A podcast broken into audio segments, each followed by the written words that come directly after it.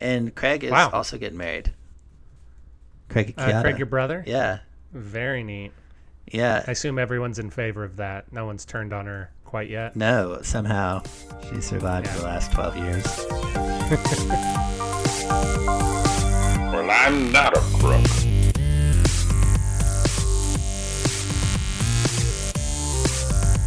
But because they are. Welcome to Presidential Deathmatch, the only presidential debates that matter. Today's headlines. We promise you won't help us. No other options. Put up a New Yorker. And brevity is the soul of societal collapse.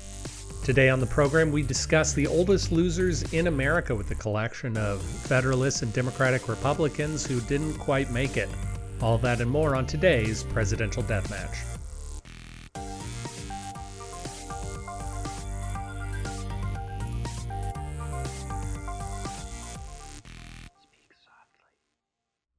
Welcome to Presidential Deathmatch. Welcome. Yeah, I don't know why I stumbled right out of the gate there. I'm going to go again. All of this is going to be in, though. Welcome to Presidential Deathmatch, a show where we talk about people who lost the presidency, surprisingly enough. I believe at this point, Dennis, we've spent more time talking about people who have lost the presidency than people who won the presidency. Oh, really? Yes, we're coming up. Uh, this, I believe, is 18 months into this season.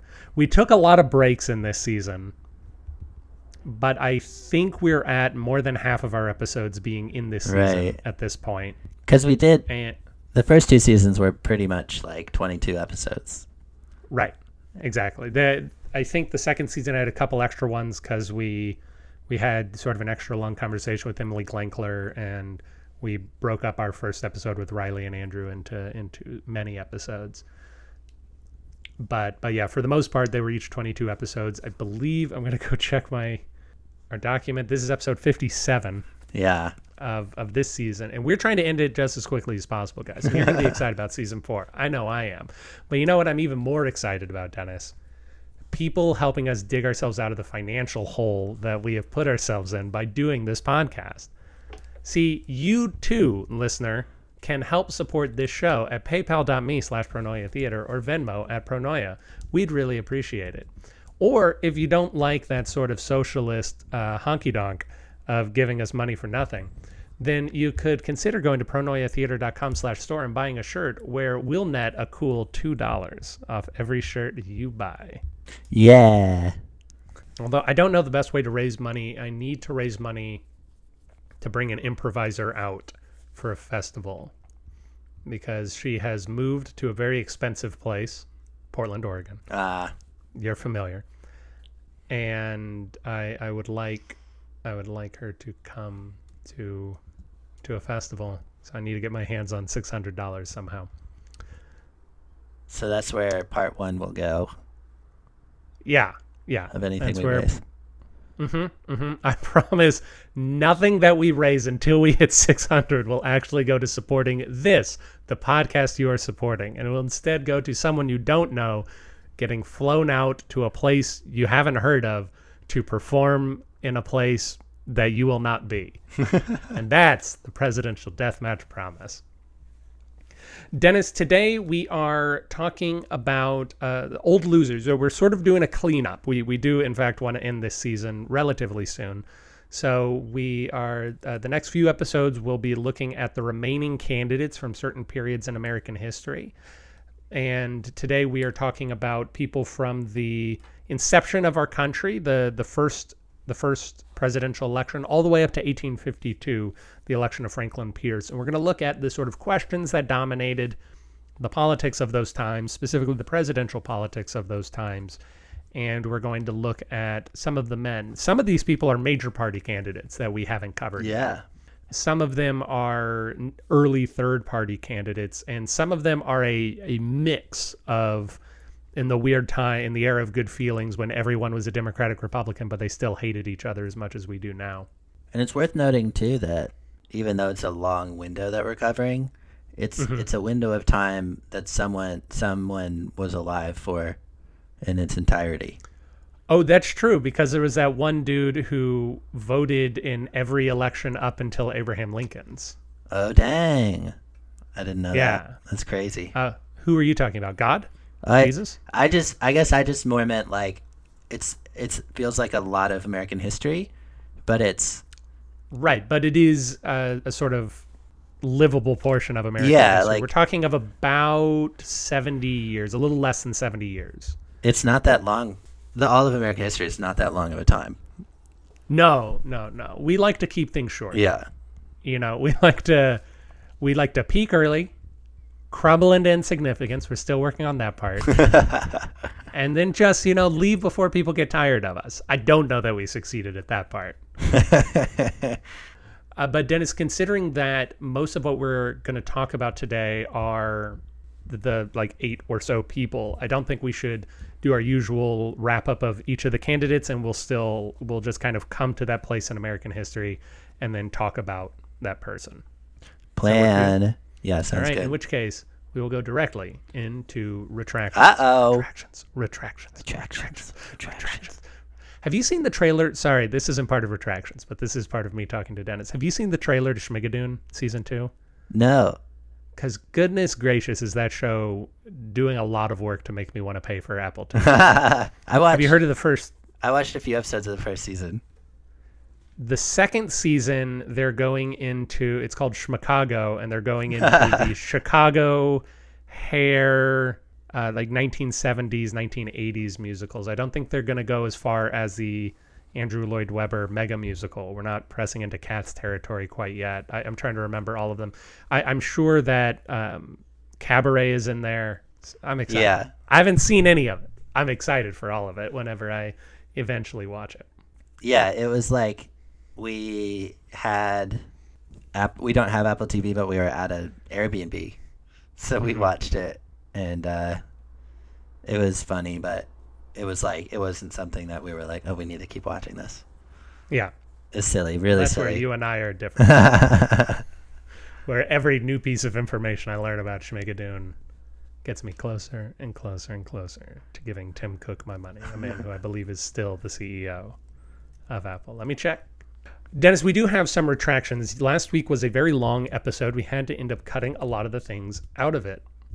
One of the things that uh, I did want to talk about was the manual that the U.S. government and the uh, Bureau of Motion Pictures put together to help Hollywood sell propaganda. Uh, so you remember what we were talking about last right? week? Yeah, that's interesting. Yeah. So most of the second third of the thesis, we covered pretty much the first third of the thesis in last week's episode.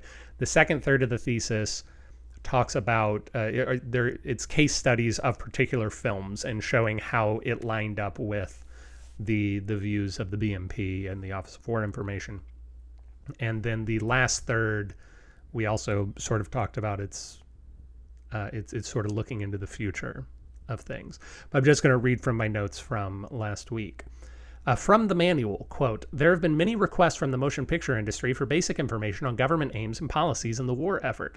To meet the demand, the Office of War Information established an office in Hollywood. The purpose of this office is to assist the motion picture industry in its endeavor to inform the American people via the screen of the many problems attendant on the war program. Its setup is purely advisory. Do I want to stop? I don't know that we need to stop and address how either DeWitt, DeWitt Clinton or MacArthur would would have dealt with these, but these are the issues that the government thought were important.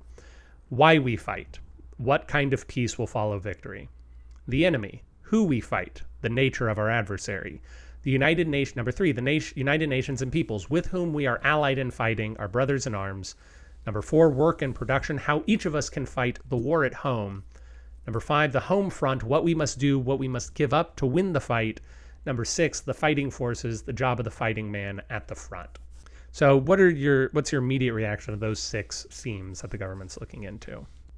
Yeah, it's just like the. I mean, it's the. I want you, Uncle Sam kind of thing. Big finger pointing at you. Yeah, but just yeah, it's it's about it's it seems like it's trying to in a more subtle way just build in like the call to arms and What I like think is reinforcing the sides. what what I think is potentially interesting. We're going to get into a few quotes in a second.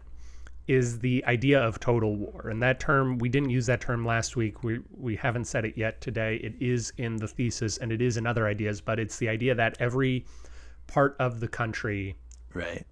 When we get into the Vietnam protests of the 60s and 70s, and when we get into almost any anti-war protests, Eugene Debs said this in, in World War One as well.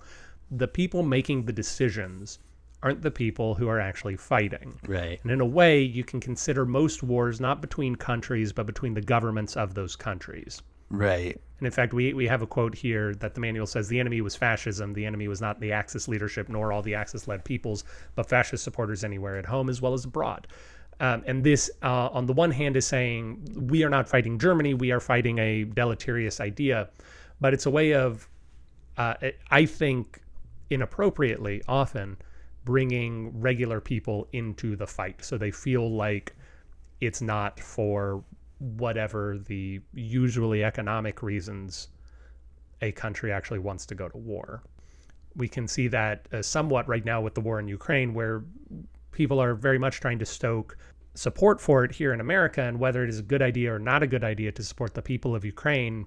I think it's very clear that it's in the interest of the American government to weaken Russia and or to not let Russia get stronger. And so it is also in their interest to make us want to keep supporting this and not necessarily letting it go to a peace. Uh, I also, I, I believe I read this a number of years ago on the podcast, but my grandmother was in in high school at the time of World War II. She gave the valedictory speech. I have a copy of the valedictory speech hanging on my wall, and it speaks a lot to to these, uh, specifically the home front, what we must do, what we must give up to win the fight, and her a lot of her speech is about you know it's not easy to give up these things but it is right to give up these things for for the greater good and so at the very least uh, fdr he worked on leona hasselman when she, when she was a youth so good job friend Was that in Texas? it was in iowa Iowa. yeah alfred iowa is where she went to school Iowans. they're just like us a hardy folk a good folk iowans Surely. another interesting thing that Rivas goes into in his thesis that I think is valuable is the idea that the OWI and in this manual um, made by the BMP, they very much wanted to change the racial uh, racial stereotypes of the Japanese in America, because the stereotype uh, at the time was that Americans are great, we're strong, we're big, we're powerful, and Asians in general and the Japanese in particular are weak, they're potentially effeminate, they're scheming. Continued portrayal of the Japanese in this way would undermine the seriousness of the war effort because, after all, if we think that we are strong and they are weak, we don't really need to be afraid of them. We just need to go in there and defeat them, right? Yeah. And and so they asked for an accurate portrayal of the enemy as a dangerous and formidable foe Right. to be brought into play. And uh, another interesting thing that was brought up in the thesis, I thought so. One of the three movies that he talks about is this film called Mrs. Miniver, or yeah, no, Mrs. Miniver, which is about uh, an average British housewife who, um, partway through the movie, the war breaks out, and suddenly her life is very different. And now we're looking at how is her life different.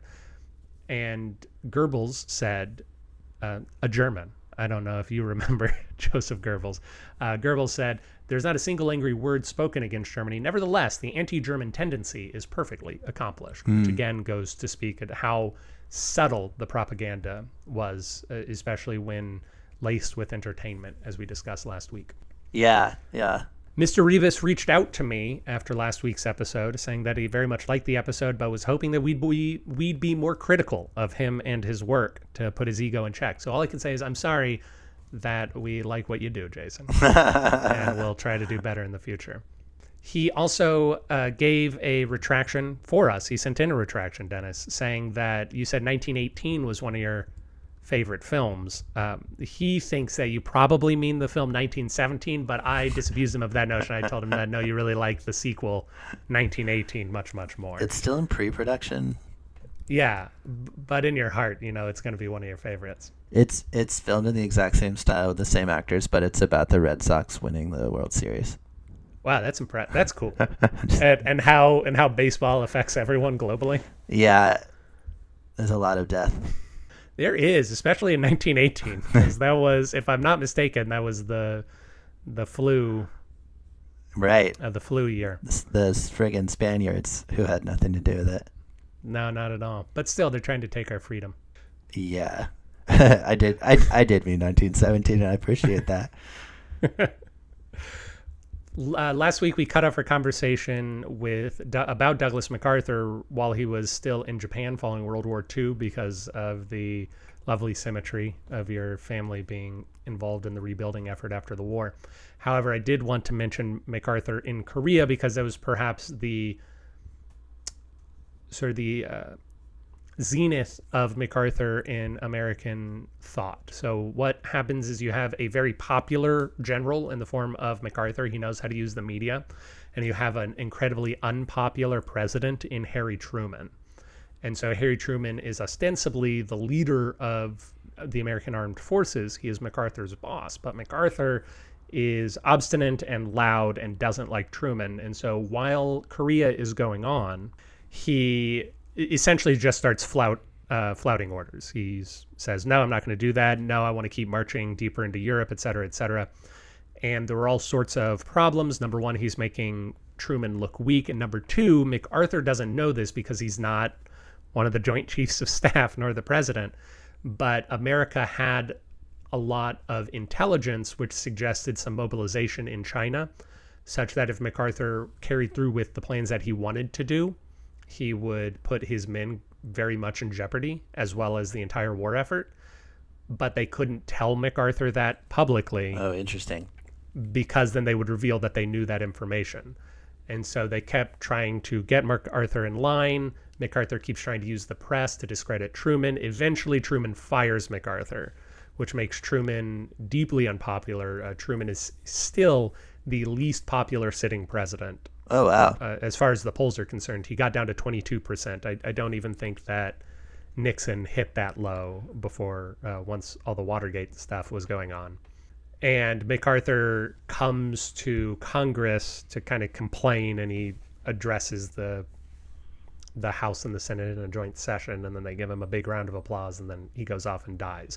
But it's another good example of using the power of the press and using propaganda to try and puff yourself up, uh, even though you you're not necessarily in the right.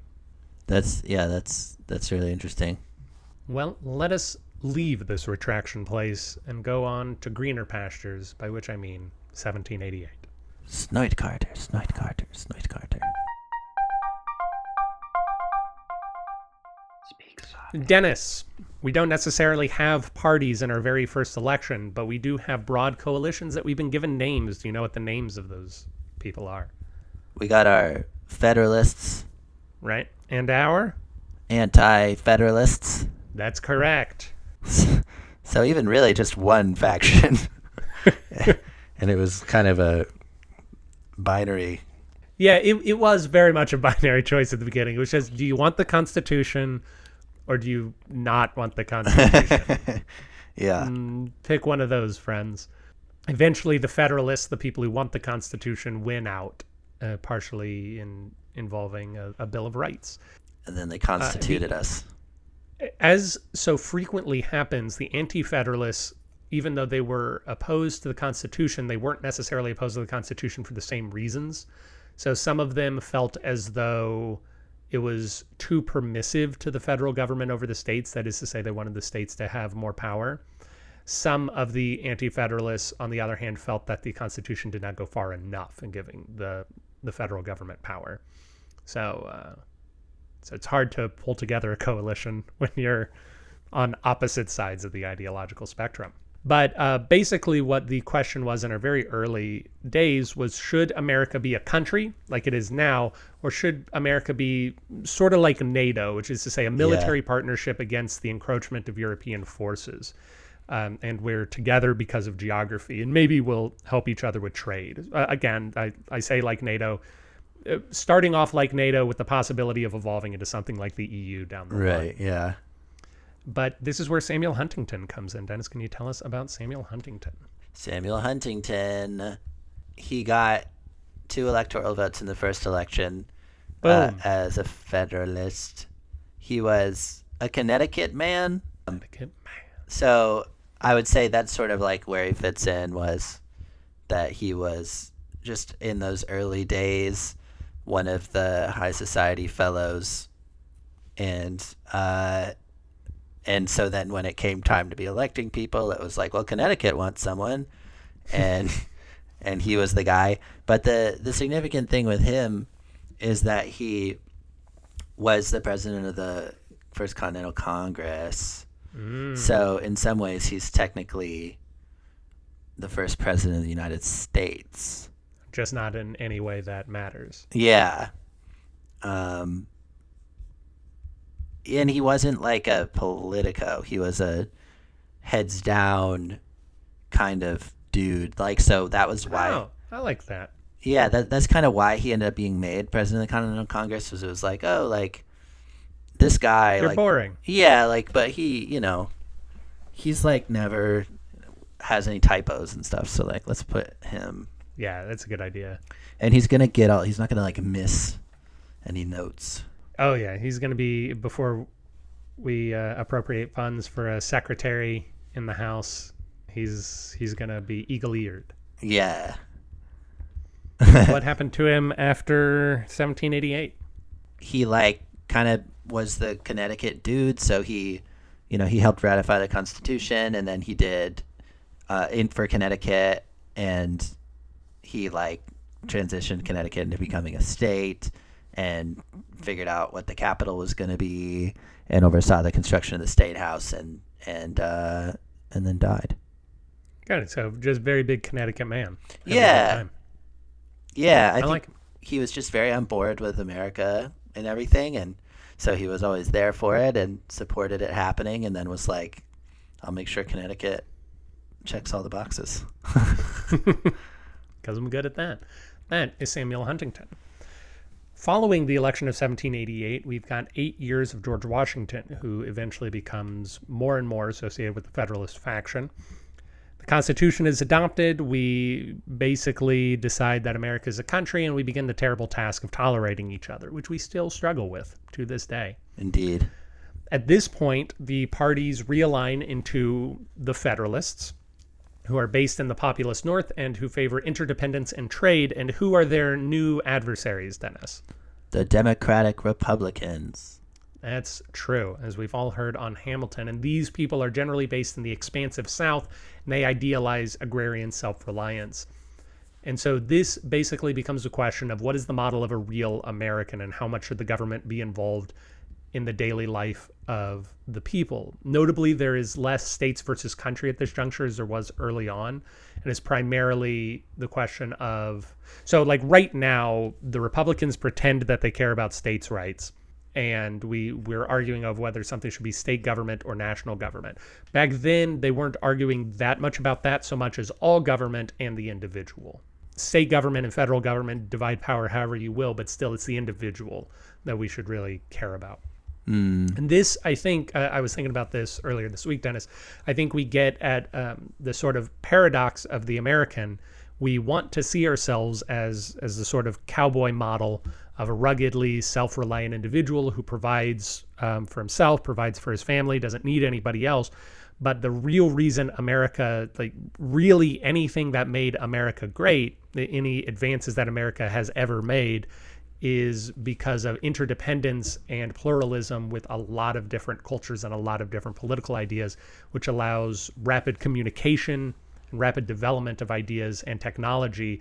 And uh, that, in and of itself, allows increasing levels of specialization. Because the thing is, when you're an individual, when you're living off the grid, you have to spend most of your time trying to stay alive whereas uh, we now have an entire class of people whose job is making other people on the internet angry and they are paid quite handsomely to do it. And i think that's interesting how we sort of want to be and pretend that we are self-reliant individuals but in reality uh, we're all interconnected. It's interesting to think about in in the sense too that like so much of American history has been like taking new land and like making it part of the government. Like the frontier culture is something that I feel like I associate with the that cowboyness that you're talking about. yeah certainly and then and uh, on the flip side, like immigration and sort of a lot of the, um, and even to just imperialism are like things that form that that are the other side of the same coin that form this sort of diversity that we get so much value from. Right, that's strong. That allows us to have all sorts of different cultures, languages, ideas, things. Who boy, we're a mess. Yeah. But eventually we arrive at the election of 1796, which is going to be the first of three elections that Charles Cotesworth Pinckney gets electoral votes in. Now, we made a little bit of a mistake because today we were supposed to have Dennis talking about the Federalists and me talking about the remaining people who weren't Federalists. And Pinckney was written down on our list as a non Federalist because in the first election that he was in, he was unaffiliated because he was a Southerner. We kind of assumed that he was a Democratic Republican. However, in the elections of 1804 and 1808, he would come out as a Federalist. So he's a, he's a sort of secret Federalist in 1796. Undercover Fed. Indeed, coming to Kickstarter this June. Uh, but Pinckney, uh, also sort of like Huntington, is uh, he's on our radar because of the curiosity surrounding the 12th Amendment. He gets his first electoral votes in 1796 as a favorite son of South Carolina, where he is a resident and where he was a signer of the Constitution. Uh, we're going to talk about his contributions to the Contribution shortly, his mixed contributions. So he gets his first electoral vote in 1796, while his brother Thomas is the nominal vice presidential candidate to Adams, who of course does not get in owing to some some tricky 12th Amendment business. But he would be the Federalist candidate for VP in 1800, as well as their presidential candidate in 1804 and 1808. Pinckney fought in the Revolution, raising to the rank of brigadier general before being a delegate to the Constitutional Convention. Dennis, here he took the following positions, and after I read them out, you just say a yay or a nay as to whether you approve of what Pinckney did. Number one, America needs a stronger national government for the purposes of defense against Europe. Yay. He'd rather the legislature not be chosen by popular vote because he thinks it's too impractical. Nay.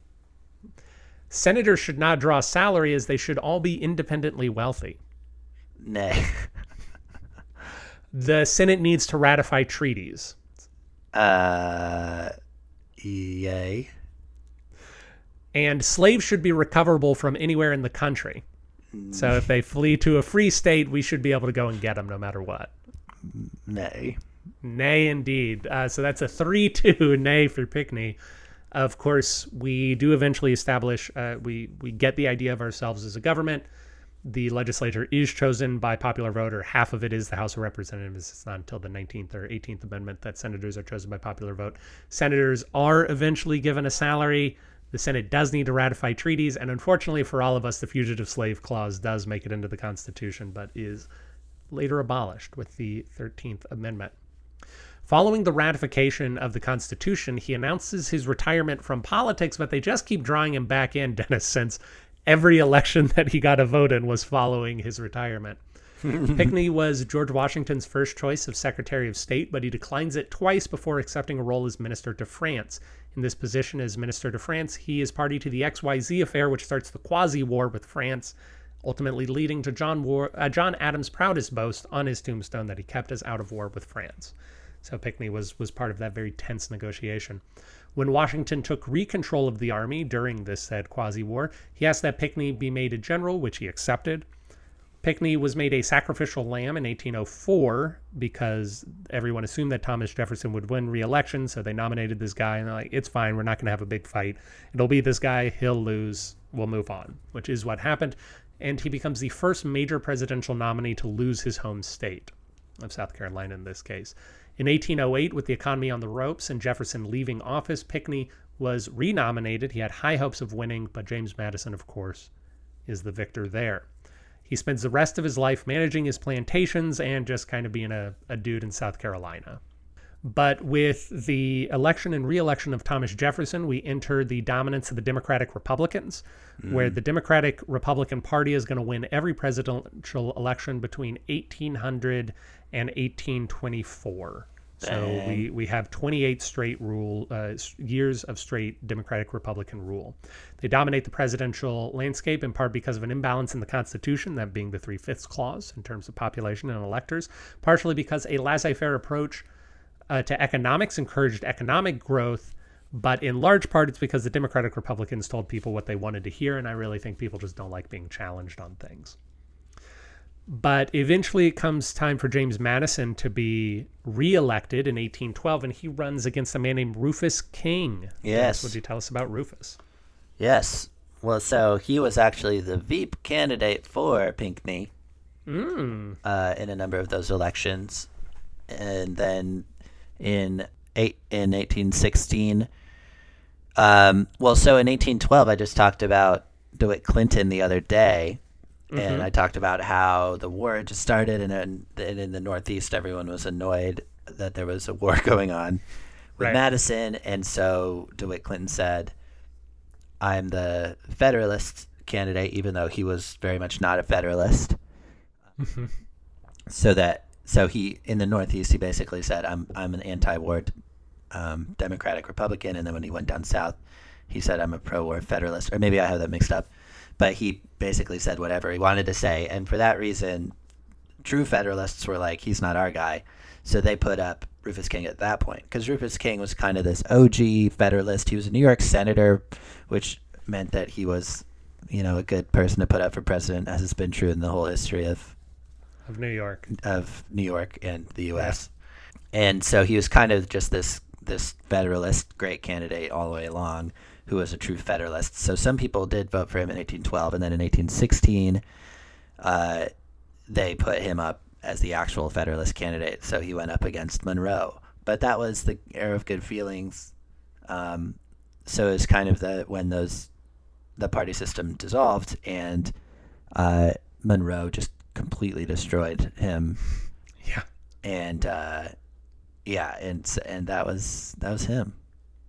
But he was, uh, yeah, he he was just kind of a tried and true Federalist towards towards the end there. Who was a who was run a number of times and a reliable a reliable Hamiltonian fellow. Yeah. Genial guy. He looks like a very kind dude if you look at his picture. Yes, for sure. Yeah, very grand. Biddle doodle doodle dood biddy boop boop. This is Aaron Garrett at the Presidential Deathmatch news desk. Turns out Dennis and I really like talking, and this episode went on much, much, much, much, much, much longer than you would like to listen to. So we're splitting it up into two episodes. Next week, you can hear about uh, the the next section of Old Losers without any of that those those Federalists to get in your way. So please join us then on next week's Presidential Deathmatch.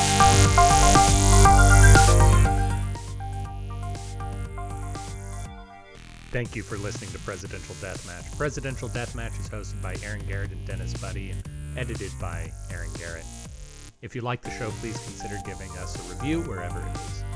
You can do that, we'd really appreciate it. If you didn't like listening to the show, well, why don't you come on back and give us another try? We really grow on you. If you want to reach out to us, you can do that at contact at pronoiatheater.com. You can also support the show in a variety of ways, including at pronoiatheater.com slash store. We hope you enjoyed it, and we hope to hear from you soon.